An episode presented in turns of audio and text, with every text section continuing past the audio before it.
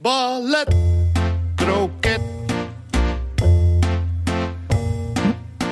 Francine en Janneke, over al die dingen die zo lekker en zo leuk zijn. Ballet, kroket, culinaire zaligheden, culturele wetenswaardigheden en ook nog met live publiek erbij. Ballet, al die leuke fijne dingen vanuit Studio Kookhaven. Ballet, kroket, ballet, kroket, ballet, kroket. Welkom, lieve luisteraars thuis, onderweg of waar je ook bent als je naar ons luistert. En welkom, lieve live luisteraars, hier in Studio Kookhaven. Het, Ballet Croquet wordt opgenomen voor een live studio publiek. En we zijn dan ook de enige podcast met live reacties. En die komen binnen via de Ballet Croquet app. Ja, en we hebben met het publiek al genoten van de Ballet Croquet Huisband. Onder de tweekoppige leiding van Arend Bouwmeester en Matthijs Groené. En die twee hadden vandaag dus een special guest star uitgenodigd, Chris Korsten. En werkelijk, het was weer fantastisch. Het publiek zit hier nog na te gloeien van het beste concert dat je vandaag in Amsterdam kon bijwonen. En eh, ik spoor dan ook de luisteraars aan, kom eens een keertje bijwonen. Want je mist gewoon iets als je niet komt. Ja, dit is ongelooflijk. Dit concert net, ja, daar, daar had je kaartjes voor willen kopen. Heel erg dure kaartjes Ja. zelfs. Maar goed, Dit is hem. ja, aflevering drie van, het eerste echte seizoen. van... Ja, Ballet. Gaan we dit nu doen? Ja, dit gaan Om we de beurt een woord? We gaan het hebben over de dingen die het leven leuk en lekker maken, waarmee je het leven kunt vieren, versieren en verdiepen. We doen daar al 25 jaar onderzoek naar, Janneke. We kennen elkaar van ons werk op de redacties voor Kunststof en Mandjaren op Radio 1. En wat blijkt, al die onderwerpen kun je plaatsen op de lijn van ballet tot kroket. Janneke, waar zit jij vanavond op die lijn? Nou, ik, ik was ergens en daar lag gewoon echt een kroket op mijn bord. Maar ik zit goed in balans met een lichte toets van kroket. Hmm, Ja. interessant. Ja. En jij? Ja, ik denk, eh, ja, ik moet zeggen, ik zit ook weer in balans. En deze keer eh, een balans, ja, die, daar wil ik jullie allemaal over vertellen. Een balans is- aan alle kanten. Ja, eigenlijk aan mij. alle kanten. Ja, Ja. nou, jeetje. Wat gaan we weer veel leren vandaag. Ik voel dat nu al. Eh, maar we beginnen in de keuken, Francine. Oh, we beginnen in de keuken, maar daar staat vandaag niemand. Nee. Ik denk dat dat het is. Paniek. Want, wat gebeurde er vandaag? Eh, nou, er stond dus niemand in de keuken omdat er vanochtend iemand afbelde. Wat? Ja. Iemand nu- die had gezegd dat hij zou komen, die belde af. Ja, nou, appte af. Bellen Hè? is helemaal dood, hè, eigenlijk. Je, je appt tegenwoordig. Vooral, hoe slechter het nieuws, hoe meer je dat in een tekstbericht probeert te vatten. Was het een lange app? Nee, nee, het was geen lange, het was een eerlijke app, medium lengte. Ja, maar goed, het was ook, er liet geen ruimte meer voor, voor onderhandeling of eh, andere vormen van ehm, ja, manipulatie. Maar wat is je oplossing? Ik ben er zelf eh, gaan staan vandaag. Je bent er zelf ingedoken. Je bent Ja. kok van de week. Ik ben kok van de week. dus eh, ja, we gaan het zoeken in een wat mediterraan hoekje. Oh, dat Ja. past weer heel goed bij mij deze week. En straks dan meer daarover. Leuk. Maar we hebben natuurlijk ook gewoon gidsen, echte gidsen. En de gidsen, dat zijn mensen die voor ons het culinaire en culturele landschap helemaal afgrazen. En dan vertellen over wat zij daar deze week uit willen lichten. En zo hebben we Carine van Santen, redacteur kunst en cultuur. Eh, als eindredacteur ben je eh, bezig voor Eus Boekenclub. Komt binnenkort weer op televisie. Eh maar Ties ons eens even, wat heb je vandaag voor ons meegenomen? Nou ja, ik, ik zat na te denken over dat ballet kroket. En jullie hebben het altijd, het is of ballet of kroket of in balans. Ik dacht, ik ben gewoon ballet en kroket. En het kroketten is dat het gaat, het is een verhaal over vers gebakken brood. En wat is er nou lekkerder dan een kroket op vers gebakken brood? Ik denk, nou, dan hebben we dat al te pakken. Maar het wordt ballet door de vorm waar ik eh, over ga praten. Is namelijk een heel goed geschreven boek over Oké, brood. jeetje. Ja, je geeft lekker veel weg, daar hou ik van. Eh, Stefan Komduur, houder van de Philip Bloemendaalprijs voor jong radiotalent. De Coming Man van NPO Radio 1. En natuurlijk zit je ook hier bij Ballet Croquet. Waar ga jij het over hebben? Ik ga het hebben over een verhaal in een jeugdgevangenis. Maar een verhaal wat je niet zou verwachten vanuit een jeugdgevangenis. Jongens, jongens, wat gaan we weer? Oh, oh, oh, ik kan gewoon niet wachten. Janneke en Fransien, Nou, Francine, het belooft weer zo'n fantastisch heerlijke aflevering te worden. Maar laten we niet vergeten dat we hier wel in een podcast zitten. Dus beginnen we met jouw week. Wat heb je gezien, gedaan, gehoord, geproefd? Nou ja, ik sla even aan op het woord gehoord, want uh, ik heb vandaag iets heel grappigs gehoord. Namelijk, ik belde met de dierenarts mm -hmm. uh, vanwege een zielige kat thuis. Ach, ja. En ik wist even niet wat ik moest. Uh, maar toen was een van de eerste vragen van de dierenarts is de kat aanspreekbaar? Ja. en ik merkte dat ik een beetje stil viel, want ik begreep meteen wat ze bedoelde. Mm -hmm. En ik had daar antwoorden op, namelijk hij kijkt op als ik hem roep. Hij reageert als er een pen valt van de tafel. Dus ik denk dat ze dat bedoelde, maar ik vond het toch een hele... Ja, het gaat, je, ik bedoel, het gaat ver. Je gaat ook ver als huisdiereigenaar, want ja... Er is zo langzamerhand niks meer wat je niet over hebt voor je huisdier. Hij heeft vandaag een infuusje gekregen met wat vocht mm -hmm. en een injectie. En we wachten nu even af. Dus ja. we nemen het heel serieus. Maar ik vond het een prachtige uitspraak. Is de kat aanspreekbaar? Ja. En ook doodserieus, die vraag. Ja. Dus dat vond ik heel mooi. Maar uh, iets anders wat ik gezien heb gisteravond. Ik uh, had als tip gekregen een uh, documentaire serie... Live to 100, Secrets of the Blue Zone... Um, dat gaat over plekken op de aarde waar het gezond uh, oud worden is, waar je vitaal oud wordt. En dat is, nou, ik ben een zakker voor dit onderwerp, want ik wil altijd daarover lezen, horen, weten. Dus ik begon rustig aan aflevering 1 gisteravond en het greep me totaal. Het was gewoon aardig gemaakt. Ik zal niet zeggen fantastisch, maar het was een prima gids. Dan Buettner, schrijver of Boetner, weet ik niet. Hij uh, neemt je mee langs een aantal plekken. Dus uh, Okinawa, zo'n plek in Japan, uh, in Japan Sardinië, Ikaria, een Grieks eiland. En ja, je, je krijgt een heel mooi beeld. En ik vond het ook weer heel erg bij Ballet Croquet passen. Want het gaat niet alleen over voeding. Het gaat niet alleen over bewegen. Het gaat namelijk ook heel erg over hoe geïnspireerd ben je om aan de dag te beginnen? Waar heb je zin in? Wat is je doel in het leven? Uh, wie zie je? Met wie verbind je je? Ja, en, en oud worden is op zich al leuk, maar de manier waarop je 100 wordt is natuurlijk ook heel belangrijk. Ja, is, is alles. Want ik hoef helemaal geen 100 te worden als het niet op een ongelooflijk leuke manier. Nee, Wat wil oh, stop. Vragen? Ik moet je heel even onderbreken, Francine. Ja? Jij moet wel gewoon 100 worden. Ballet Croquet heeft dat nodig. En ik bedoel, je kan nu niet gaan zeggen van dat is niet. Morgen is het klaar. Precies. Nee, nee, nee. nee. We nee ik blijf ook nog even. En 100 worden is absoluut een doel als het op die manier kan. Ja. Als je je inderdaad ja, geïnspireerd blijft voelen. Als je je goed kunt bewegen. Nou, wat dieet daarvoor doet, dat hebben we wel vaker gehoord. Maar ja, ik heb nu toch twee ingrediënten opgedaan uit die uh, gebinste serie gisteren. Uh, waar ik uh, naarstig naar op zoek moet. Namelijk rauwe honing en paarse zoete aardappel. Ik denk als ik die twee dingen integreer in mijn dieet. Dan, rauwe honing? Ja, rauwe honing. Wat is rauwe honing? Nou ja, dat, dat is iets. de honing die je in de supermarkt koopt, die is gekookt. Blijkt, nou, al die processed, hè, die, die um, ja, ontwikkelde, door de industrie ontwikkelde honingen, die schijnen helemaal niet zo gezond te zijn. Dus ik ga op zoek naar rauwe Bij mijn honing. Turkse supermarkt kan je gewoon honingraad kopen. Oh, maar is ja. het dan rauwe honing? Ja, dat is de vraag. Ja. Francine? Ja, waar dat gaan we uitzoeken. Ja. Ik ga daar met jou naartoe en we gaan het uitzoeken. Ja. Uh, en dat heeft dan te maken natuurlijk met, uh, in het geval van die zoete aardappel, die paarse zoete aardappel, mm. dat dat uh, langzame koolhydraten zijn. maar dat is dus maar één element. Mm -hmm. En het opvallendste element vond ik eigenlijk uh, de verbinding met andere mensen.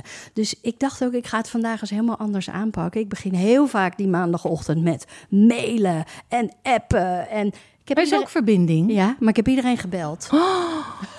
ik heb gewoon oh. vanmorgen iedereen gebeld. Dan kreeg je een appje als afzegging. Ja, we kregen, ja, ja dat is wel hard. Nee, maar dat is gewoon. Ja, maar ik stond ook niet in verbinding, hè? Ik had, die, ik had die documentaire niet gebinged. Dus ja. Daar nee. krijg je het eigenlijk meteen een deksel uh, op de neus. Ja. Maar met ook een, een zoete aardappel, want ik vind dat geen. Ik vind dat geen goede ontwikkeling. Zoete nee, maar ik ga wel, ik, ik ga wel met koks uh, in conclave hoe je dat lekker klaar kan maken. Ja, dat zal wel. Ja, dat kunnen wij aan jou wel toevertrouwen. Dus in Japan zie je oudere dames die doen dan samen een spelletje. Er wordt, ja, het, met wie je je verbindt overdag. is gewoon heel belangrijk. Dus Nou, eh, wees gewaarschuwd, ik ga iedereen bellen. Ja, ik, ik voel me nu ook heel verbonden Of met persoonlijk jou. ontmoeten is misschien dan nog wel beter. Ja, dat is de volgende Ja. stap. Oh. Samenkomen, hè? Ja. Kun je nog iets over vragen?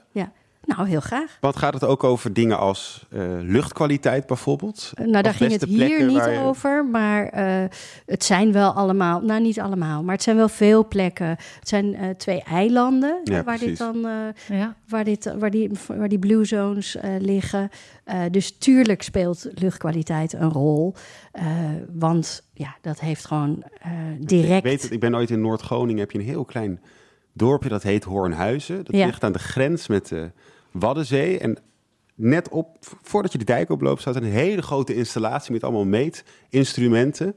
Van een, eh, nou, ik kom even niet op de naam, maar eh, iets wat de luchtkwaliteit meet. Ja. Ging ik dat googlen en toen bleek dat eigenlijk de schoonste plek van Nederland te zijn. Dus daarom meten ze daar. Toen dacht ik, ja, daar, daar, moet je moet je eigenlijk wonen. zijn. dus. Maar hoe oud zijn de mensen in Hoornhuizen? Ja, die zijn best oud. Ja, dus Ja. dat Ik is weet de niet hoe oud, van maar ze Nederland. leken Ja, oud. Dat kunnen we nu wel zeggen. Dat is dus Hoornhuizen. Wat heel wat onderzoek 40, te verrichten, hè, 40. naar aanleiding van jouw documentaire. We zijn er en nog, nog, niet. en nog één eh, leuk eh, ding uit eh, een van de afleveringen. Dat was namelijk, je bent zo gezond als je dorp stijl is. Dus dat Ja, gaat ja, over...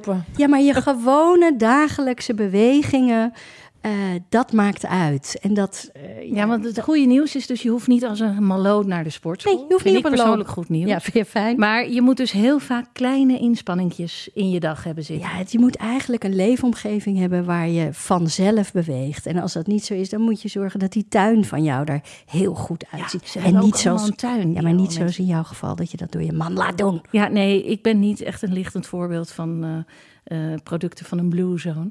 Maar jij wel, want jij woont op vier hoog. Ja, Dus jij, ik, jij eh, hebt die ik trap. doe die trappen. ik doe die trappen, zeker. Zeker. Oké, nou, Nou. we gaan weer alles doen. En, en in godsnaam dan maar met die eh, zoete aardappel. Ja, in de weer. Nou ja, Ja. ga hem in ieder geval kijken. Want echt lekker om even te bingen op een avondje.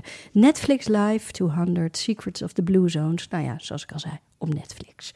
Wat lag er bij jou op je bordje, Anneke? Ja, ik, god, er heeft, er heeft zoveel op dat bord van mij gelegen deze week. Maar wat ik er dan toch even uit wil lichten, is een serie op NPO Start slash NPO Plus. En eh, we zitten in een, nou ja, Scandinavische hype. Hè?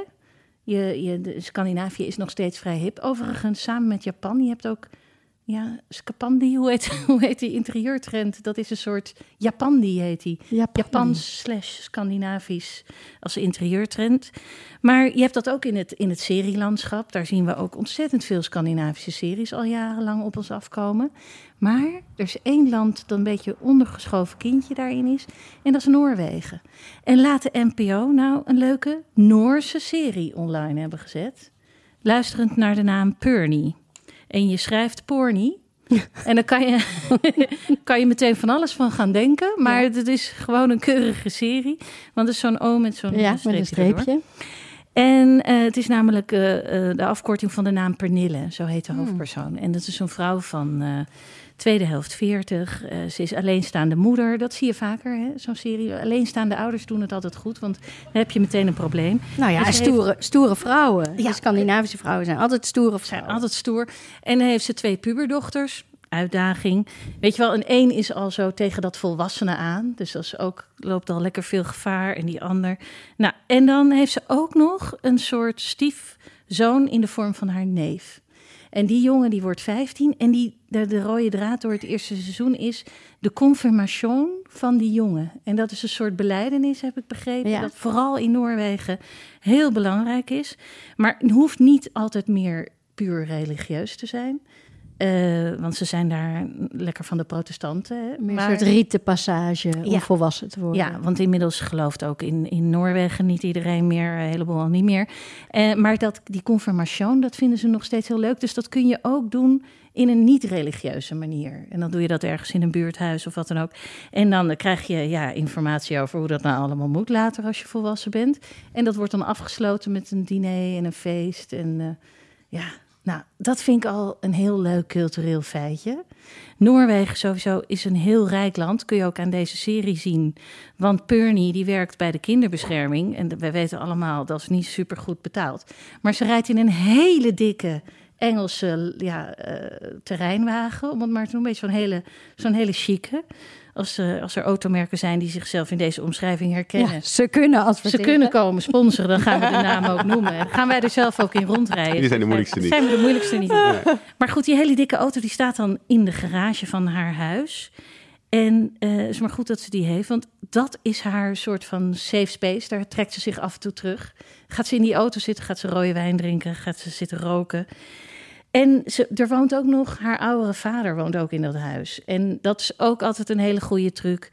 Zet drie generaties bij elkaar in zo'n Eigenlijk sitcom. ingrediënten voor een hele lastige situatie. Echt leuk. En ze heeft dus een, een, een leuk jong ding als vriend. En eh, nou, daar zijn ook allemaal ontwikkelingen mee. En ze heeft ook een vriendin, twee vriendinnen, weet je wel. Eh, en die eh, zeggen dan, ja, Pernie, eh, je moet nu wel opschieten, want eh, over twee jaar wil niemand je meer. Want dan ben je 47, dan wil niemand je meer hebben. Dus je moet nu in deze twee jaar Scoren. zorgen dat je de boel... En die vader zegt dan ook nog eens heel droogjes... Want Pernie zegt dan, nee, ik wil eerst even dat de kinderen allemaal op de rit zijn. En met die, met die stiefneef en de hele, hele shebang. En dan zegt die vader, ja, maar als je nog langer wacht, kom je in de overgang. Dan gaat het helemaal niet meer werken. Oh, dus iedereen bemoeit zich er ook mee. Ja, en het is allemaal lekker, lekker blunt, lekker Ja. grof. Die kinderen ook, die zijn van het schelden. Die zijn haar aan het uitschelden. En dan doen echt zoals het gaat in het echt. In Noorwegen. Ja, nou, en, en ook in de andere streken rondom, rondom Scandinavië komen dit soort eh, conversaties tussen ouders en kinderen voor. Weet En. Janneke, met wie identificeer je het? Eh, toch wel gewoon met Pernie. Ja. Ja? ja. Je, ben- je bent Pernie. Als je Nou, bent. dat gaat wel weer ver, want ja, ik heb al die dingen niet die zij heeft, maar Oh. nee, maar het is wel, Pernie is een leuk mens. Dus eh, ja, die serie kan ik aanraden. En NPO Start of NPO Plus eigenlijk. NPO Plus is de betaalde versie van NPO Start. En dat is de goedkoopste streamingsdienst van Nederland. Hè. Dat kost 2,95 euro.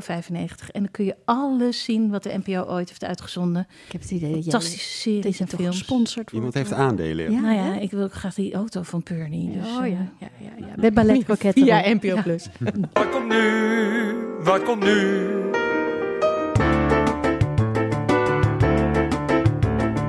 Wat is het volgende eigenlijk? Wat komt er nu? Wat komt nu? Nu? Ja, Janneke, net hadden we het er al even over. Eh, De kok van de week, dat ben je zelf. Eh, wil je daar nog iets over kwijt? Ja, al die verschillende persoonlijkheden van mij. Ja. Dat ik dat nu zo en plein publiek uitleef.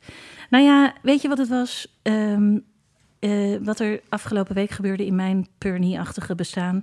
was dat, ehm, dat ik heel even een tijdelijk empty nest had. Gewoon alles in het netten, weet je wel. Schoolkamp, je kent het wel.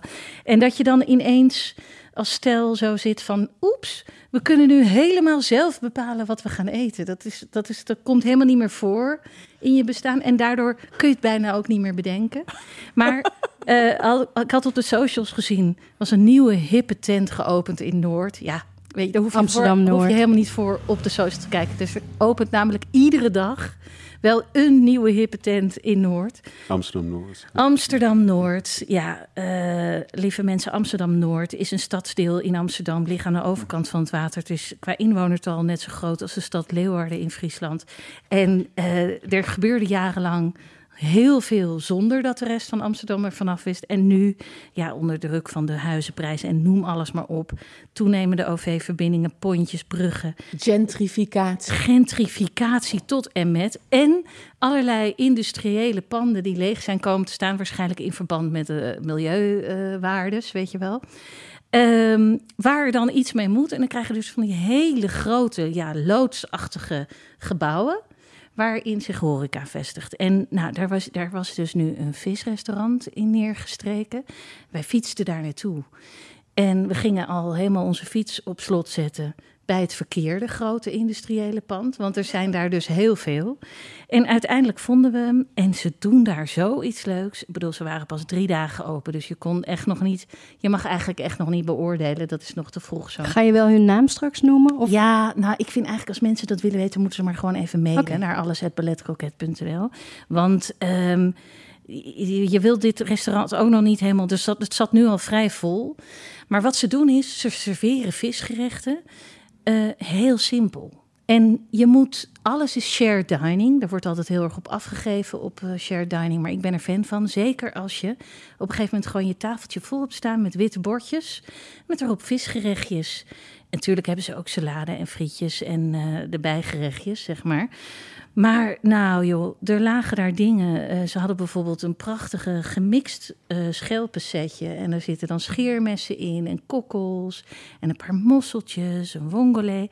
Gewoon met witte wijn en knoflook klaargemaakt. En dan heel veel verse koriander erover. Ja, dan heb je het gewoon goed gedaan. Dan ben je gewoon lekker aan het koken.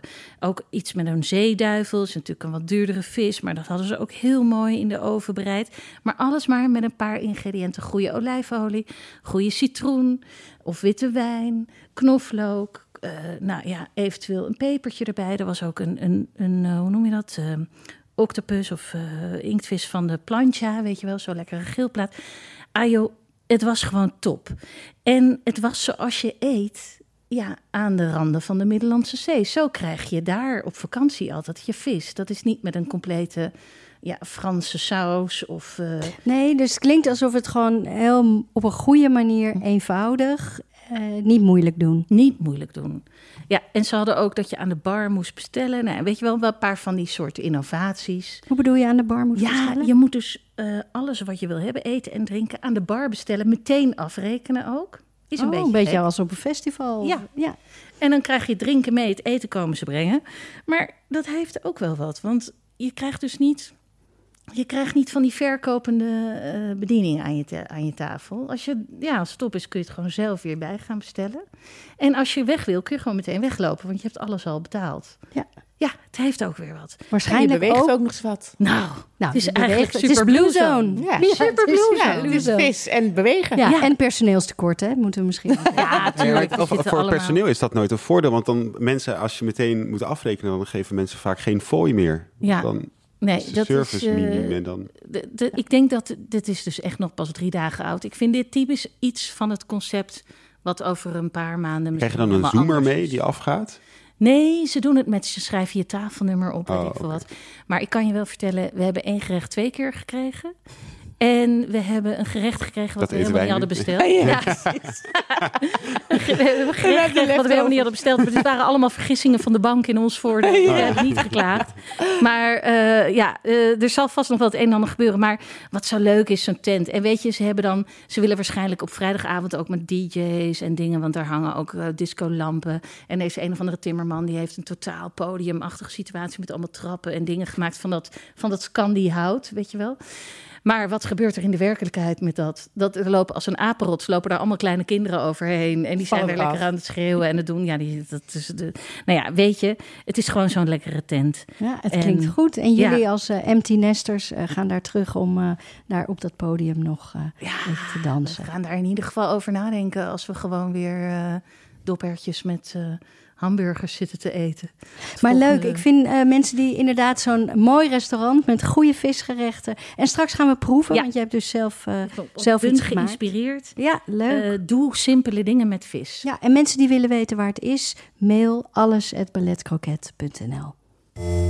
Ballet, kroket, ballet, kroket, ballet. We gaan naar onze eerste gids van de avond, Carine van Zanten, redacteur kunst en cultuur bij de omroep NTR. En nu ben je vooral bezig met Eus Boekenclub. Zeker. Eh, jij, net was, kwam al even aan bod, binnenkort is het weer. Maar kun je even de, echt de begindatum zeggen? Nou ja, want dat is niet zo heel binnenkort. We beginnen bin- binnenkort met de opnames. Maar de allereerste aflevering van de nieuwe reeks is 29 oktober, zondagavond. Zo, eh, ga kijken. Ja. Gewoon live. En jij doet de eindredactie. Kan je zeggen, Ja. wat, eh, wat, is het, ja, wat is nou het aardigste om eh, te doen aan dat programma? Nou, het aardigste is dat we het gewoon met een klein team hebben verzonnen... en inmiddels al drie jaar verder zijn en het alsmaar mogen maken. Dat vind ik al een, eh, een groot compliment van de heren en dames van de NPO. Het leukste is dat we een programma maken waarin we de liefde voor het lezen stimuleren. En de liefde voor het lezen stimuleren is belangrijk in deze tijd, hè, van ontlezing. En, en dan kan je denken van, nou oké, we hebben ook boekenprogramma's die alle lagen van een boek afpellen. Dat doen we niet. We hebben heel veel ingrediënten. Dat gaat van leesambassadeurs tot een schrijver die een leesclub ontmoet, tot een dichter. Dat noemen we altijd de parel in onze uitzending, die nou ja, op camera fantastisch is dat altijd dat onderdeel een gedicht voordraagt Tot een burgemeester in deze nieuwe reeks die zijn liefde voor lezen met ons deelt door een lievelingsboek mee te nemen. En die wordt daarover ondervraagd. En we hebben ook in Nederland natuurlijk heel veel mensen die misschien wel niet lezen, maar vooral schrijven. Er zijn heel veel mensen die boeken willen schrijven. Dus er liggen heel wat manuscripten op zolderkamers, in kelders, weet ik waar ze die allemaal bewaren. En iedereen probeert die uitgever te vinden. Dus wij, wij bieden ook een podium aan de tot nu toe onbekende schrijver. Wellicht zijn het ongeziene schrijvers die een uh, uitgever verdienen. En wellicht moet het manuscript ook in hun huis blijven. Dat mag de kijker beoordelen. Um, nou, dit, de, ja, dit zijn. Ontzettend leuk. Ja, en we doen het vanuit Deventer, de literaire stad van Nederland eigenlijk. Hè. Die hebben altijd de grootste uh, boekenmarkt van Nederland in, uh, in augustus. Er zitten, de, de, de, eerste boek is gedrukt in Deventer, dat weet ook niet iedereen. Nee. Eus woont in Deventer, onze ja. grote leesambassadeur. Maar we, we, doen het vanuit het Burgerweeshuis. En dat is ook altijd al een feest voor al onze gasten... om eens niet in de Randstad een programma op te nemen. Nou, Prachtig ik vind het nu al een heel mooi pleidooi voor uh, Eus Boekenclub. Wat heb je voor ons meegenomen? Een boek. Een boek, een hey. boek wat we niet uh, met onze, onze boekenclub uh, behandelen. Maar uh, soms komt een boek op je pad omdat je iemand gewoon kent. En, en, zoals de schrijver. De schrijver. Ik ken de schrijver. Ik zit als vrouw van, van een zekere leeftijd natuurlijk in een leesclub. En die leesclub die bestaat al echt best wel heel lang. Uh, en Bianca Bartels is één lid uh, van ons uh, leesclubteam. En zij is, het zijn allemaal mediavrouwen. Zij is journalist en schrijver dus. En zij schrijft bijvoorbeeld de musicals, recensies voor de trouw, ze schrijft ook voor de Happiness en de Libelle en de Margriet en de Nouveau, noem, maar op. Ze kan heel goed schrijven. En uh, nu heeft ze een boek geschreven. Dat gaat eigenlijk over haar eigen familie. En daar ben ik echt dol op, op familiegeschiedenis. Het gaat over drie generaties bakkers. In haar familie komen wel 15 bakkers, geloof ik, voor. Oh, geweldig. En, uh, broodbakkers. Broodbakkers en banketbakkers. Nou, wat zal ik daar eerst over zeggen? Het gaat dus over haar overgrootouders, haar grootouders en haar eigen ouders die uh, bakkerijen hebben gehad. Zij is zelf niet doorgegaan, haar broers ook niet in de bakkerij. Maar ik vind het ook altijd heel mooi als je voorgeleefd wordt door je ouders en je grootouders en je hele familiesysteem. Is altijd heel, ben ik ook altijd heel benieuwd. En zij ook wat er dan voortleeft. Hè? Wat, ook al ja. word je niet dat. Ook al word je niet die bakker, maar er zitten toch genen in jou die te maken hebben met hoe die bakkers in hun werk stonden. Da nou, daar eindigt het boek mee. Daar kom ik straks even op terug. Want ik ga uh, eerst vertellen dat het verhaal begint dus. Het is echt een familiegeschiedenis die zich afspeelt in de 20e eeuw. In 1903 wordt de eerste bakkerij in Noord-Holland, in waar was het? In Purmerend, een bakkerij begonnen. En in die tijd, rond 1900, aten de mensen gemiddeld... Ik vind het altijd heel leuk om weetjes te vertellen. Ik ben dol op weetjes. Aleid Truijens schreef al een recensie. Die zei, het is een boek waar je echt wat van opsteekt. Nou, ik zal een paar weetjes met jullie delen. Gemiddeld, wat denk je, hoeveel brood een mens gemiddeld in 1900 per persoon at? Ik weet niet, maar toen mocht je gewoon nog brood eten. En toen had je verder ook niet zoveel, denk ik. Dus? Ja. Nou, uh, een lekkere hompbrood. Ik heb geen idee. Nou, per jaar. Wat, wat zal ja, Ja, waar praten we per over? jaar eh, wordt het toch helemaal niet makkelijker? Nee, Per dag? Maar noem een getal. Ik Per vind het leuk. jaar, ik hou eh, ook enorm van quizzen. 7,3. Kilo, hè? Ja. Kilo- 7,3 kilo? Ja. Nee, joh. Ja, daar word ik gek meer. aangekeken. Ik moest het getal noemen. 100 kilo per persoon per wedstrijd. En nu is het ongeveer nog steeds 50 kilo. Ja, het is. Het, Ja, we zijn een op. broodland, hoor. We Nee, zijn nog steeds best wel een broodland, ons- ondanks het feit dat we allemaal maar yoghurt met havermout en, en kersen en, en Ja, maar achter op de fiets zit nog steeds maar er zijn nog steeds heel veel mensen die een broodrommeltje met ja, sneetjes brood hebben. Nou, en Bianca heeft dus haar hele leven gehoord: brood is eigenlijk heilig. Hè? En brood moet je ook als zodanig behandelen. Een brood. Dat, dat zaag je, dat duw je niet door midden. Dus zij heeft ook altijd als iemand zo'n zo'n stokbrood door midden duwt met, eh, Ja? hè, om, om, om lekker beleg. Dan doet dat pijn. doet pijn. Oh. Ja, brood moet je. Dus, dus dat, dat, die liefde voor dat, dat, voor dat vak, dat zit echt heel diep. Hè? Het zijn mensen die hebben echt een passie voor het kneden en bereiden en bakken van brood. Tot en met dat dat brood in de mond verdwijnt, laat maar zeggen. Dus dat, dat, vind ik, dat vind ik mooi aan het bakkersvak. Kreeg je ook, heel even hoor, Ja, lezende zo'n boek. ja. Krijg je dan ook heel even dat gevoel van... hoe zou ik zijn als ik bakker was? Of Nou, sterker nog, even een kleine heel- site. eh, site. Ja, ik, ik heb dit jaar een kookcursus, zou jullie bevallen, in Portugal gedaan. ja, En daar was de plaatselijke eh, broodbakster. Die ging met ons broden bakken. Op de manier zoals die bakker in Purmerend dat destijds deed. ja. Dus we hadden zo'n hele grote trog, zo'n houten trog. En we moesten met z'n allen dat kneden. En hoe zij dat deed. Nou ja, goed. Dat, het is, het dat is, is echt- toch magisch? Het is niet? best magisch. En toen gingen we die oven, zo'n echt zo'n houtoven aansteken. En dan moesten al die wanden moesten helemaal wit worden. Dan ging ze dat weer eruit schrappen. En dan met zo'n natte dweil ging ze nog even die oven schoonmaken. Hop, die broden erin. En we hadden lekker walnootjes, krentjes weet ik wat. Het was topbrood. Ja, dat is, er is niks zo lekker als zelf. Nee, en ik heb daar toch met mijn handen aan bijgedragen aan Ja, het topbrood. zeker. Dus die ervaring die... En ik, terwijl ik daar was, las ik dit boek. Dus dat was eigenlijk best wel een hele leuke Ja, ik, heel even Francine, want Ja. eh, jij bent ook wel iemand die graag eh, Een brood bakt. een brood bakt, toch? Of niet? Nou ja, eh, altijd weer dat verhaal. Ik heb ooit in Denemarken in een commune gewoond. En dan deed de een dit en de ander dat. En ik bakte daar de Ja. broden. En ja, Dit is echt een boek het is echt. Ja, maar het is, het is magisch. Want het is.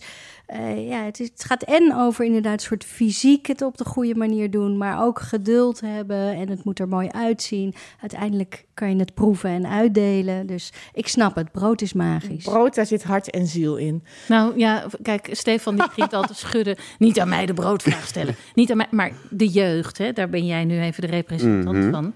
Eh, bakken die nog brood? Eten die Nee, nog brood, brood? wordt Mag voor brood ons nog? gebakken. Ja, Ja. Ja. Nee, daar zijn andere mensen goed in, denk ik dan altijd. Daar ben ik minder goed in. Dus dan kom ik bij Francine. Ah. Even, hè, eh, Stefan. Ja. eh, want jij bent wel een kritische eter. Ja. Dus je gaat niet zomaar. Ik heb ooit bij jullie stage gelopen, bij ja. Maar fabrieksbrood is aan jou waarschijnlijk niet besteed. Wat is fabrieksbrood? Dat koop je in de supermarkt. Ja. Nee, dat klopt. Nou, je Nee, mag het wel, zeggen. Ik haal het wel bij de bakker het liefst. eh, Ja. ja. Nou, dat zal Bianca deugd doen. Want, want die begint altijd met de vraag: waar koop je je brood? Hè? In de supermarkt brood kopen is voor kinderen van bakkersfamilies natuurlijk nat dan. Dat Nee, mag echt niet. Maar eh, wat zo ballet is aan dit boek, is dat het echt geweldig geschreven is. Ze kan Ja. echt heel goed schrijven. Zij is ook bij Judith Koelemeijer in de leer geweest. Ik weet niet of ze het echt nodig heeft gehad. Maar Judith Koelemeijer heeft natuurlijk vroeger met de moeder van Maria Sagea, dat is inmiddels ook alweer Ja. ruim 20 jaar Ook oud. zo'n familiekroniek eigenlijk. Familiekroniek, wat echt een roman is. Hè? Dus niet, een, hè, dat is niet zo'n geschiedenisboek, maar echt een roman. Nou, dit leest ook als een roman. Eh, en daarom, ik dacht, ik lees even een stukje voor. Om gewoon even... Ja, het wordt al uit mijn handen gegrist Ja. hier. Want mensen willen natuurlijk allemaal lezen. Maar dit gaat erover dat... eh, op een gegeven moment wordt het oorlog natuurlijk. Hè? Want de 20e eeuw is ook oorlog. En eh, eh, de grootouders van Bianca... die hadden inmiddels een bakkerij in Bakkum. En toen kwamen de Duitsers, die hebben die bakkerij daar geconfiskeerd. Nou, en dat was natuurlijk ellende. Dus die mensen moesten eh, bij, de, bij de bevriende, of bij familie, de bakkerij heeft hij nog koekjes gebakken boven bij, bij familie om te overleven tijdens die oorlog. Dus hij op de fiets op een gegeven moment weer terug. Bleek dat die Duitsers daar gewoon varkens gewoon in hun, in hun bakkerij hadden gestald. Dus die, dat was echt, het was gewoon niks meer van over van die bakkerij. Dus na de oorlog eh, moest die grootvader dus bedenken... waar ga ik mijn bakkerij nu doorstarten? Want ze gingen door, hè? bakkers gaan altijd door, die hebben een passie. Toen dacht hij van ja, ik kan het in Noord-Holland doen. Maar toen trokken mensen toch meer naar Amsterdam. Dus hij dacht, als ik klandizie wil, moet ik in Amsterdam een bakkerij beginnen. Nou, en er waren een aantal bakkerijen die leeg stonden. Hè, door, eh, door de oorlog. Mensen waren of eh, vertrokken of in zijn geval was het een NSB'er. Die was gearresteerd. Had in de Rijnstraat een bakkerij. En hij dacht, die bakkerij die wil ik. Nou, hij was niet de enige. Maar de familie Bartels heeft volgens mij ook een doorzettingsgen. Want deze man is het gelukt om die bakkerij te krijgen. Ehm, daar heeft hij gezeten. Maar die, die eh, NSB-meneer, die heet in het boek Mothagen. Dat is dan niet zijn echte naam, maar die had niet zulke ernstige vergrijpen of delicten gepleegd in de oorlog. Dus hij zat eigenlijk niet zo heel lang vast en hij wou toch wel weer terug naar die bakkerij. Nou, is hem niet gelukt, maar zij heeft natuurlijk wel alsmaar met, met, met eh, allemaal eh, rechtszaken en toestanden. Nou, hij heeft het niet gekregen, maar hij woonde wel met zijn vrouw boven die bakkerij. Jongens, jongens. Nou, dat is een beetje vragen om problemen. En dan schrijft Bianca dat heel mooi op in een scène. Ik, ik kan heel veel scènes voorlezen, maar dit is bijvoorbeeld een scène. Achter de werkplaats was een betegeld plaatsje waarop een schuurtje stond dat gebruikt werd voor het maken van koek en gebak. Op een drukke vrijdagnacht keek Frans tevreden nahijgend naar het opgebolde deeg dat prachtig begon te rijzen na de intense kneedpartij. Hij kwam direct uit zijn trance toen hij een enorme klap hoorde. Een hoog en scherp geluid, direct gevolgd door uiteenspattend glas. Hij rende het plaatsje op en de banketbakker in het schuurtje deed hetzelfde. In het licht van de werkplaatsen konden ze duidelijk zien dat het plaatsje vol glasscherven lag met in het midden een natte plek. Waarschijnlijk water. Er moest een melkfles met water van een balkon zijn gevallen. Maar midden in de nacht, en waarom zou je daar een fles water neerzetten? Frans keek omhoog. Nergens brandde licht. Ook niet bij Mothagen, boven hem. Hoe goed de zaak ook ging en hoe creatief Frans ook was, het gedonder bleef doorgaan. Eerst alleen vanuit de lucht. Mothagen liet zogenaamd per ongeluk nog een fles water naar beneden vallen. En in het mooie zonnescherm aan de voorkant zat een brandplek van een sigaret. Niet dat ze het konden bewijzen, maar Frans wist zeker wie die peuk uit het raam had laten vallen. Nou goed, en zo, eh, het boek bestaat alleen maar uit, uit scènes dat je denkt alsof je erbij bent. Ja. En, en de hele geschiedenis van die bakkerijen hebt meegemaakt. Dus dat, dat vind ik prachtig. Dus uiteindelijk nemen die ouders van Bianca waar, eh, de zaak over hè, van grootvader. Dus Bianca heeft er zelf vroeger ook eh, broodjes staan verkopen. En dat is in een tijd hè, dat die supermarkten opkomen en dat brood nou, veel meer concurrentie krijgt. Maar de ouders van, eh, van Bianca, die, die moesten dus marketing en producten. Daar kwam het op neer. Goede producten en marketing. Nou, de, de bakkers werden allemaal warme bakkers, hè, want dat onderscheidde je dan van dat fabrieksbrood. En, eh, en de overheid was ondertussen, 1975 spreken we over, ook bezig met bakkerijen uitkopen. Waar kennen we dat van? Omdat er een, te veel bakkerijen waren. Maar goed, Nee. daar deden ze niet aan mee. Ze wouden blijven bakken. Dus hij had op een gegeven moment 16 verschillende croissantjes. De, de, de- tot en met, wat zag ik nou? De, het Vlaamse worstcroissantje. Ik weet niet. Ik, het zal, me- maar hij had ook volkoren appeltjesbrood, safaanbrood. Nou ja. Maar het belangrijkste van de Bartelse, fi- Bartelse filosofie was vitamine R. De R van relaties. Dus ze waren heel goed in alle zon- en feestdagen. Stonden ze daar weer op die stoep bij de Rijnstraat gratis krentenbollen uit te delen. Want je moest zoveel mogelijk weggeven. Dan komen de mensen binnen en dan verkoop je ze het duurste brood. En hoe verkoop je ze het duurste brood? Dan maak je bijvoorbeeld met kerst vier formaten kerstbrood. Klein, iets groter, nog groter en heel groot. En die hele grote had hij er maar één of twee van. Maar de psychologie van de mens wil dat je dan het ene grootste brood koopt. Ja, dus hij ja, verkocht ja. al zijn grote kerstbroden. Dat is toch gewoon heel slim? Maar dus zonder enige cursus, waarschijnlijk, Ja, zonder enige cursus. hebben, ze- deden zij het op precies de goede manier. Precies, maar dat is volgens mij als mensen goed nadenken en je kent je medemens in verbinding, Ja, dan kun je alles verzinnen. En, en zelfs Ed van Tijn, hè, dat vind ik leuk altijd voor de Amsterdammers dan om te vertellen, die liet zijn dienstauto daar altijd stoppen. Op de- Burgemeester ja, Ed van burgemeester destijds, van, de- die, eh, die vond het ook heel lekker wat ze allemaal hadden verzonnen. En Bianca zou Bianca niet zijn. Ze is namelijk heel eh, perfectionistisch door haar achtergrond. Als ze niet alles onderzocht van de bakkerij. En dat vind ik nog heel leuk weetje, weetje met jullie delen. het heel veel vertellen. Ja, en heel ik denk mini. dat ik heel weinig praat maar in de microfoon. maar, eh, ja, ja, het gaat over eh, de geur van brood. Want wat is er nou lekkerder dan de geur van vers gebakken brood? Ja, niets dus. Nou, en bakkers ruiken hun eigen brood dus helemaal niet. Weet je waarom? Oh. Uit onderzoek blijkt dat geuren tijdens het bakken ontstaan. Hè? Dus de, daar, komen de geuren vandaan. En net gebakken wit brood blijkt stofjes te bevatten die ruiken naar karamel, mais, bloemen, honing en zelfs naar witte wijn. Een prettige geur dus. Maar als je een poosje in de bakkerij staat, ruik je dat niet meer. Nou, dat komt omdat nieuwe geuren ruiken we altijd goed. Omdat we dan moeten vluchten of moeten handelen. Dat heeft allemaal met angst te maken. Zodra je hersenen denken, dit is oké, dan ruik je het niet meer. Dus bakkers ruiken eigenlijk nooit hun eigen Wat brood. zonde, wat Nou, zonde. Dat is toch ook een bijzonder weetje. Ja, Mag ik nog iets vertellen of zit ik al door mijn tijd je heen? zit totaal door je tijd Oh. heen. Dus Nou, vertel nog maar wat. Nou, nu zit er een Domino's pizza in het pand. Dat is eigenlijk het Oh. Oh, ja, de ook een bakkers, soort bakker. Ja, Nou. ze zijn overgenomen. De ouders zijn gestopt, want ze waren helemaal... Nou ja, na 40 jaar kapot gewerkt, maar hebben nog gelukkig... Maar heb je één ding volgens mij nog niet verteld? Nee, ik heb heel veel dingen nog niet verteld. En dat is hoe het heet. Nou, dat ga ik nu vertellen. het, is, eh, het, het boek heet eh, Brood op de plank. En het is dus Bianca Bartels, een familiekroniek van drie generaties warme bakkers. Het is eh, verschenen bij Nieuw Amsterdam. En inmiddels is ze trouwens ook alweer met een nieuw boek bezig over de schoenontwerper Frette La Brutinière. Dus ik Ah. zou zeggen, hou deze vrouw, deze schrijfster in de gaten, want ze kan heel mooi schrijven een prachtig boek. Maar naast Eus is er dus nog een ambassadeur voor lezen. En voor bakkers. Altijd.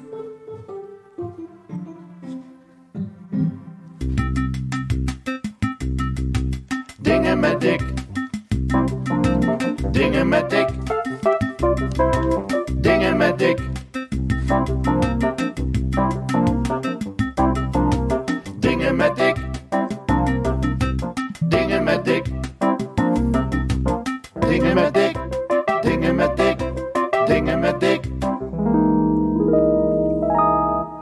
Ja, mensen, dit wordt even een harde boodschap, maar Dick Verwerda is er vandaag niet. Hij is, eh, staat weer ergens mensen eh, ja, te verwennen met allerlei dingen. Ja.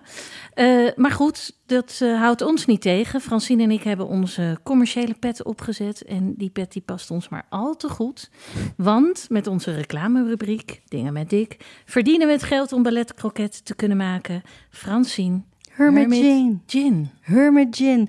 Ja, eh, het is niet moeilijk om te vertellen dat deze Hermit Gin alles heeft wat een goede gin moet hebben. Namelijk, hij is zacht, maar wel krachtig. En hij combineert geweldig met de tonic die erbij zit. Namelijk de Fever Tree En dan kan jij dat heel mooi uit... Mediterranean. Mediterranean. Ja, heel kijk, mooi uitspreken. eh, Hermit Gin, dat is natuurlijk met lichtzilt, een lichtzilt bronwater gemaakt uit de Oosterschelde. En die Mediterranean tonic van Fevertree, onze andere vriend van de show, eh, die is dan weer helemaal met kruiden rondom het Middellandse zeegebied eh, gemaakt. En die twee dingen ja, vormen prachtig een, een, een ja, dik raakt dat helemaal in Ja, vervoering. maar het is een blue zone. Het is, is een blue, het is een blue zone in een glas. Het is de, het is de mediterrane tonic Ja. en de mediterrane gin. Hij is vandaag gemaakt eh, in de Perfect Surf. Hè? Dat is dan hoe je hem moet laten zien door Lone Palsen, de kok uit het noorden.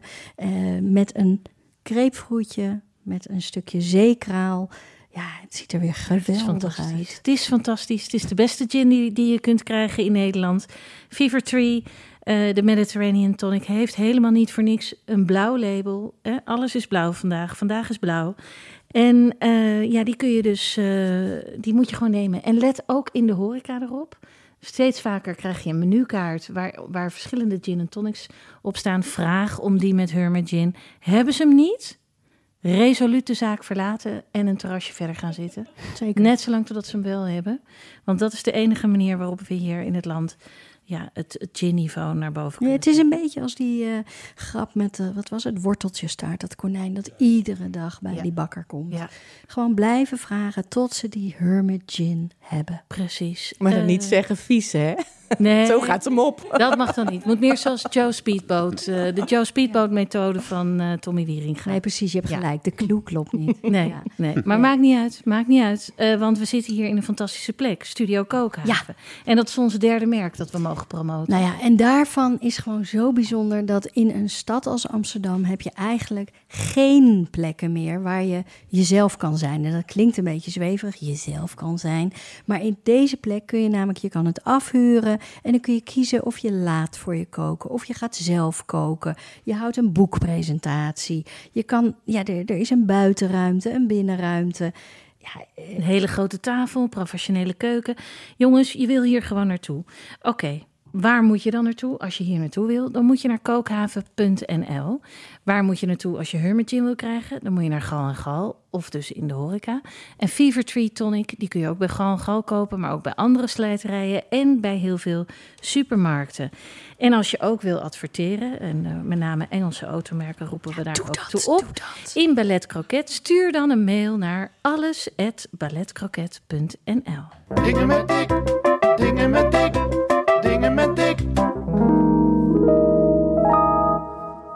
Stefan Komduur, onze prijswinnende gids. Je geldt als een groot talent op NPO Radio 1, waar je je eigen programma hebt in de hele vroege ochtend. Vroeg. Maar ook mensen wier wekker wat later afgaat, kunnen jou op de zender horen, want je bent vaste invaller bij de Nieuwsbv. En je wilde het vandaag hebben over Een film. een film. Vertel. Ik appte jou vandaag of van het weekend al van nou, wat, wat, wat ga ik behandelen? En toen was het 33 graden volgens mij gisteren op een Het is gegeven moment. altijd 33 graden. Het is altijd 33 graden. En toen dacht ik, ja, tijd voor een film. Er komt straks slecht weer aan. Je wil naar binnen, je wil eh, de bioscoop opzoeken. Of in ieder geval thuis Achter met het de gordijnen dicht. Ja, mag ook. Films kijken. En toen ben ik van de week, of eh, vorige week, want dat vind ik heel lekker als het heel warm is, dan overdag even zo twee uur lang in de airco van de bioscoop zitten. En dan weer buiten komen. En dan is het een beetje die, die hele erge warmte zo vertrokken uit de stad. En dan kom je eerst buiten. zijn al die terra- terrasjes opeens om vijf uur gevuld. En dan, ik sta dichter bij de microfoon praten, kunt u mij goed horen thuis ook. Ehm, en dan wil je de film zien. En ik, welke film, dat willen jullie graag weten Ja. natuurlijk. Nou, de film heet Le Paradis. Het is van een eh, Belgische filmmaker. Zeno Graton heet hij. Ik denk dat ik het zo goed uitspreek. Het is een film over een jeugdgevangenis. En daar kan je allemaal dingen bij bedenken eigenlijk. Maar het gaat juist niet over die jeugdgevangenis. De jeugdgevangenis is eigenlijk alleen maar de locatie, het startpunt van een liefdesverhaal. Het gaat natuurlijk in een jeugdgevangenis over de problematiek van de jongens die daarin zitten. De jongens en meisjes. Dit is dan een jongensjeugdgevangenis. Maar we komen de hele film er niet achter Waarom wat die daar jongens daar, eigenlijk gedaan hebben om daar terecht te komen. We leren wat er gebeurt in die jeugdgevangenis. Hoe er samen wordt geleefd. Hoe zij worden gestimuleerd creatief te worden. Hoe zij worden gestimuleerd de gedachten die zij in hun hoofd hebben uit te spreken in dans, in rap, in spoken word, in, in alles eigenlijk. En je leert ook de- hoe die omgang gaat tussen de begeleiders. Ehm, het is een, speelfilm, toch? Het is een speelfilm, ja. En, maar dat wordt heel realistisch nagespeeld, want deze regisseur heeft, ja, heeft echt lange tijd in allemaal jeugdgevangenissen meegelopen om te kijken hoe het leven daar gaat. Twee begeleiders zijn er, een man en een vrouw. Dat vond ik wel interessant. Er is dus altijd eigenlijk bij jongensjeugdgevangenissen... is er altijd een vrouwelijke begeleider ook op de groep. Mhm. En dat is omdat vaak veel van die jongens ook vanwege seksuele delicten uh, in de gevangenis zitten. En op het moment dat ze eigenlijk alleen maar met mannen in contact komen... is het eerste contact in de buitenwereld weer met een vrouw... maar hebben ze eigenlijk nog steeds niet geleerd hoe ze met die vrouw moeten omgaan. Vrouwen zijn verder niet belangrijk tijdens deze film. We volgen één jongen, 17-jarige Joe. Is bezig met eigenlijk weer zijn leven buiten de gevangenis op te starten. En dat is ook wel interessant, want dan komen er allemaal van die maatschappelijk werkers. En die gaat erover van, nou, we hebben een woning voor je gevonden. Heb je mensen die geld voor jou? Je komt jeugdgevangenis uit en je hebt eigenlijk niks. Hij moet een nieuwe plek. Naar die plek wordt geregeld. Nou, kan je aan meubels komen? Hoe kom je aan een koelkast? En op een gegeven moment, op een dag, komt William de gevangenis in. Die is opgepakt. Uh, daar leren we wel over wat hij heeft gedaan. En hij en Joe raken eigenlijk in de ban van elkaar.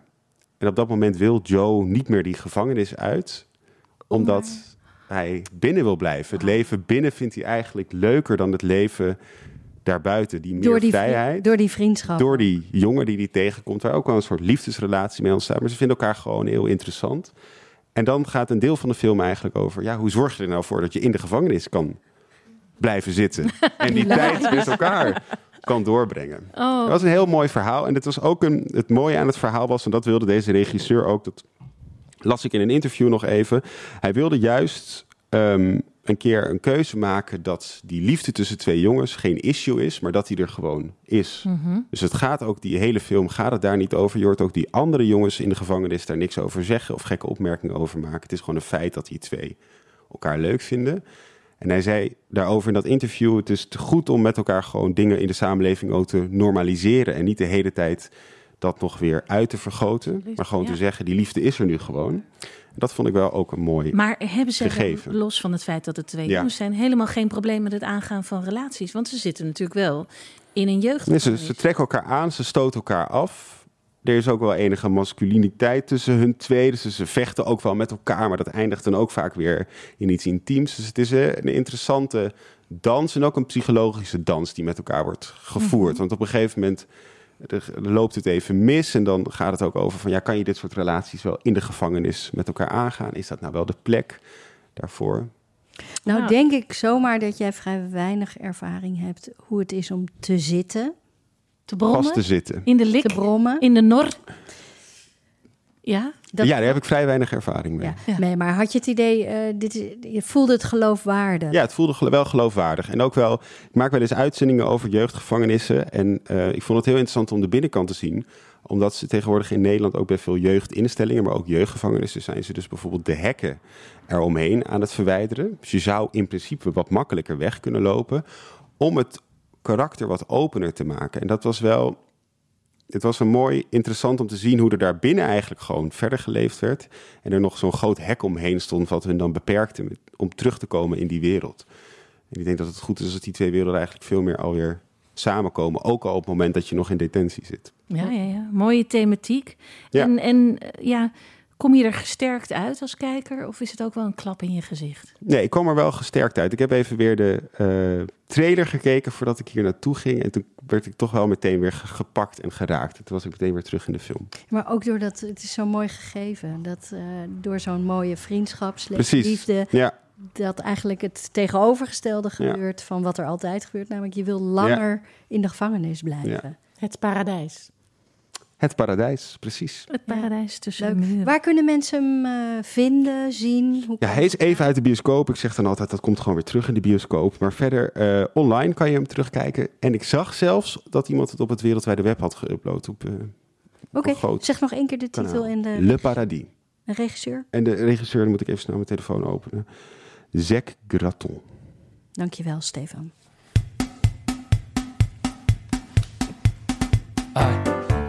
Wie is de kok? Laat mij eens spreken met de chef. Ai, waar is de kok gebleven, chef? Ai, waar ben je nu? Laat mij eens spreken met de chef. Ai, wie is de kok? Ai, wie is de kok? Ai. Ja, en die mooie stem was natuurlijk van eh, Matthijs Groenee. Mhm. En dat wil ik toch ook nog eens een One keer zeggen. Ja, maar wil ik toch nog eens een keer zeggen.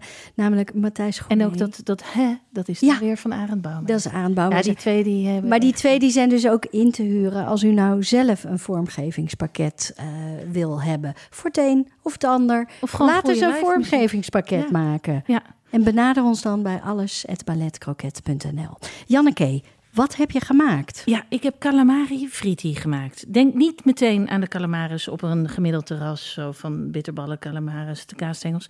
Niet die, maar dit zijn echt hele kleine, lieve, schattige calamari. En die maak je ja, echt eigenlijk maar met drie of vier ingrediënten. Je hebt inktvisjes. Maakt niet zo heel veel uit welke je neemt. Ik had eh, sepia, dat heet in het Nederlands zeekat. Oh, Die kat was niet meer aanspreekbaar toen ik hem eh, onder handen nam. Maar eh, ja, dat zijn hele kleine inktvisjes. Nou, die snijden en dan hebben ze, heb je eigenlijk meteen al een soort ringetjes. En ehm, wat je daar vervolgens mee doet is, je hebt ze natuurlijk schoongemaakt, hè? Maar dan gaan ze alleen maar door de bloem. Dus je hebt die ringetjes. Wacht even. Geen ei, geen zout. Oh, nee. Ga je met ei werken, dan krijg je meteen zo'n hele dikke deeglap eromheen. Dat wil je Zoals niet, hè? die uit je de kijkt. borrelkaart. Nee, dat wil je niet. Want we zijn blue zone. We zijn mediterraan. Mm, We zijn met weinig ingrediënten minimaal bewerkt voedsel aan het maken. En ehm, nou ja, dus je hebt dan, ja, het is al zo'n leuk gevoel. Weet je, het is allemaal ook zo tactiel, hè, dat koken. Maar je gaat dan met die, met die inktvisringetjes door die bloem. En dan zo maak je van je handen zo van die soort zeefjes. En dan Echt mensen, als jullie het konden zien, Janneke ze heeft nu een soort vergiet gemaakt van haar Ja. handen. Ken je uit de coronatijd nog dat gebaar voor handen? Ja, ja, ja. Nou, de draai dan de handen om. en dan kun je zo dat van die calamari fritti... om die zo lekker eh, af te kloppen van de bloem. Nou goed, die gooi je dan in een pot met hete eh, olie. Maar even iets meer details. Een pot met hete Ja, olie. nou goed. Is dat een het mag diepe ook pan je wokpan met- zijn. Een wokpan bijvoorbeeld. Weet je wel, een, een wat, wat hogere pan. Oké, hoeft je- niet in een frituurpan. Nee, ben je mal. Nee joh, en dat gooi je gewoon, daar gooi je een fles olie in, zonnebloemolie, weet je, iets wat heel heet mag worden. Mag ook andere type olie zijn. En dan één minuutje even frituren, niet langer. Want het is maar een heel dun stukje inktvis wat je erin hebt zitten. En ga je dat te lang frituren, wordt hij niet alleen te bruin en te niet lekker. Maar dan is ook die inktvis helemaal taai. Dat wil je niet. Het moet lekker doorbijtbaar zijn. Ja, en dan, hup, eruit. Even afschudden. Doe ermee wat je, wat je met je frietjes doet. Doe er een beetje zout op. Peterselie. Eh, schrijf je citroen erbij en hup op het bord leggen. Nou, dat heb ik bij jullie gedaan. ga, maar, ga maar Oké, kijken. ja, ik, heb, ik heb geproefd. Eh, ik vraag eerst even aan onze gasten. Heerlijk, Janneke. Mm. Ja, Ja. echt heel Maar lekker. kan je nog iets daarover... Waarom is het zo lekker? Mm. nou, juist omdat... Je zegt wel, anders wordt hij te taai. Maar een inktvis is altijd wel lekker dat je er toch echt wel op moet kauwen, laat Ja. zeggen. Het is niet een hapslik weg. Nee, maar hij moet niet... Ja, het moet geen kauwgom worden. Het is geen kauwgom, Je moet maar er wel een- doorheen Precies komen. die goede bite, Janneke, heb Ja. je erin weten te Oh, krijgen. dank dat je. heb je Ja, dat is gewoon door dat ene minuutje. En zo dun, dat beslag zo dun, dat vind ik wel een ja, eh, dat vind ik ook openbaring. truc. Niet Dus eigenlijk geen beslag. Nee. Het is gewoon alleen maar een dun... Een waasje. Ja, een- een, een- waasje. Is het echt een minuut? Één minuut. Eén minuut. Eén minuut. En wat, En, en wat, wat doe je vinden dan? jullie van dit? Vinden jullie dit nou een borrelhapje of een voorgerechtje? Mm. Of wil je er een hele berg van en verder niks meer in je leven? Nou, beide, bol, bolhapje of voorgerechtje. Ik wil het wel zo in een oude krant op de borreltafel hebben liggen. Zo krijg je dat vaak toch? Aan de kust. Pelpinda, maar dan... eh, Ja, Ja, Of ik een. Ik zie een grote schaal.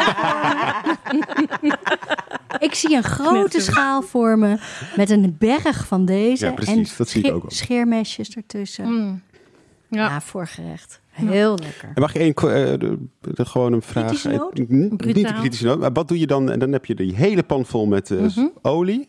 Dan doe je iets één minuut in en wat doe je daarna met de olie? ja, ja, dit is een gewetensvraag. Maar laat ik hem nou beoordelen alsof ik het heel netjes doe. Door de handen weer laten gaan. Ja, door je blote handen. 180 graden moet die olie zijn. Nee, dat hoef je maar één keer te doen. Daarna voel je nooit niks. Nee, maar eh, nee, die, die moet je dus af laten koelen. Zeven. En dan kun je hem nog een paar keer gebruiken. En uiteindelijk weer teruggieten in die plastic fles. En eh, apart aanbieden bij, de, bij, de, bij het vuilnispunt. Want dat wordt allemaal weer gerecycled. Niet zomaar in de... In, zo, zeker niet door je riool gooien Nee. krijg je echt hele verdrietige rioolmedewerkers van. En dat wil je niet. Dat is, dat is de basis van onze samenleving. Janneke, Hou die mensen Janneke, gelukkig. Janneke, zo heilig als jij, zo heilig als bakkers over hun brood doen, zo heilig doe, Doe ik jij over nu mijn vet. over het weggooien van je vet. Ja, nee, ik vind mijn vet vind ik heel belangrijk. Vet. Dat vind ik gewoon, daar moet je goed, daar moet je goed mee Nee, ja, maar jij fietst dus met die flesjes olie naar het Ja. Ja, het afvalpunt. Ja. Want Het ik mag ze niet naast mijn eh Nee. vuilcontainer Je moet zetten. echt Nee. een eindje fietsen. Ja, je fietst naar het afvalpunt. Dat is heel goed voor het bloezen. Ja. Dus dat. Nou, wat fijn jongens. Ja, Francine, eh, de Blue Zone. Hè? We zitten eigenlijk de hele uitzending lang, de opname, zitten we in de Blue Zone. Ja, niks voor gedaan. Nee, Niks voor gedaan. Alle onderwerpen kwamen samen. Het gaat en over lekker, het gaat en over mooi, het gaat over, Het wordt verbinding.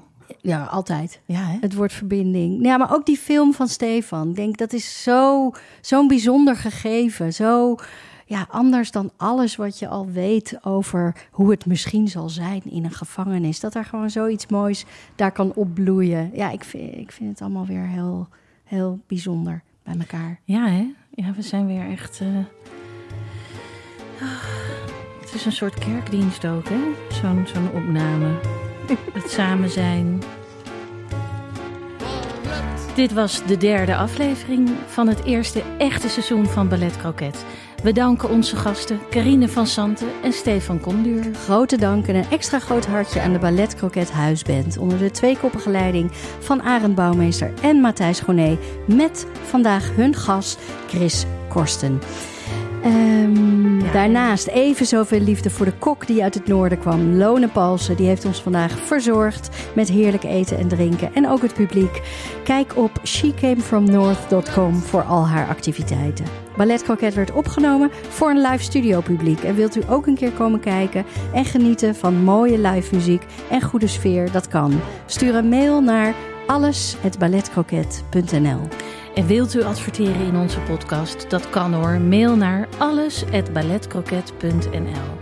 Met grote dank aan de meest gastvrije Fries van heel Amsterdam, Dick Verweda van Studio Kokenhaven. Wij gaan weer grazen. Tot volgende week. En onthoud, alles is ballet croquet.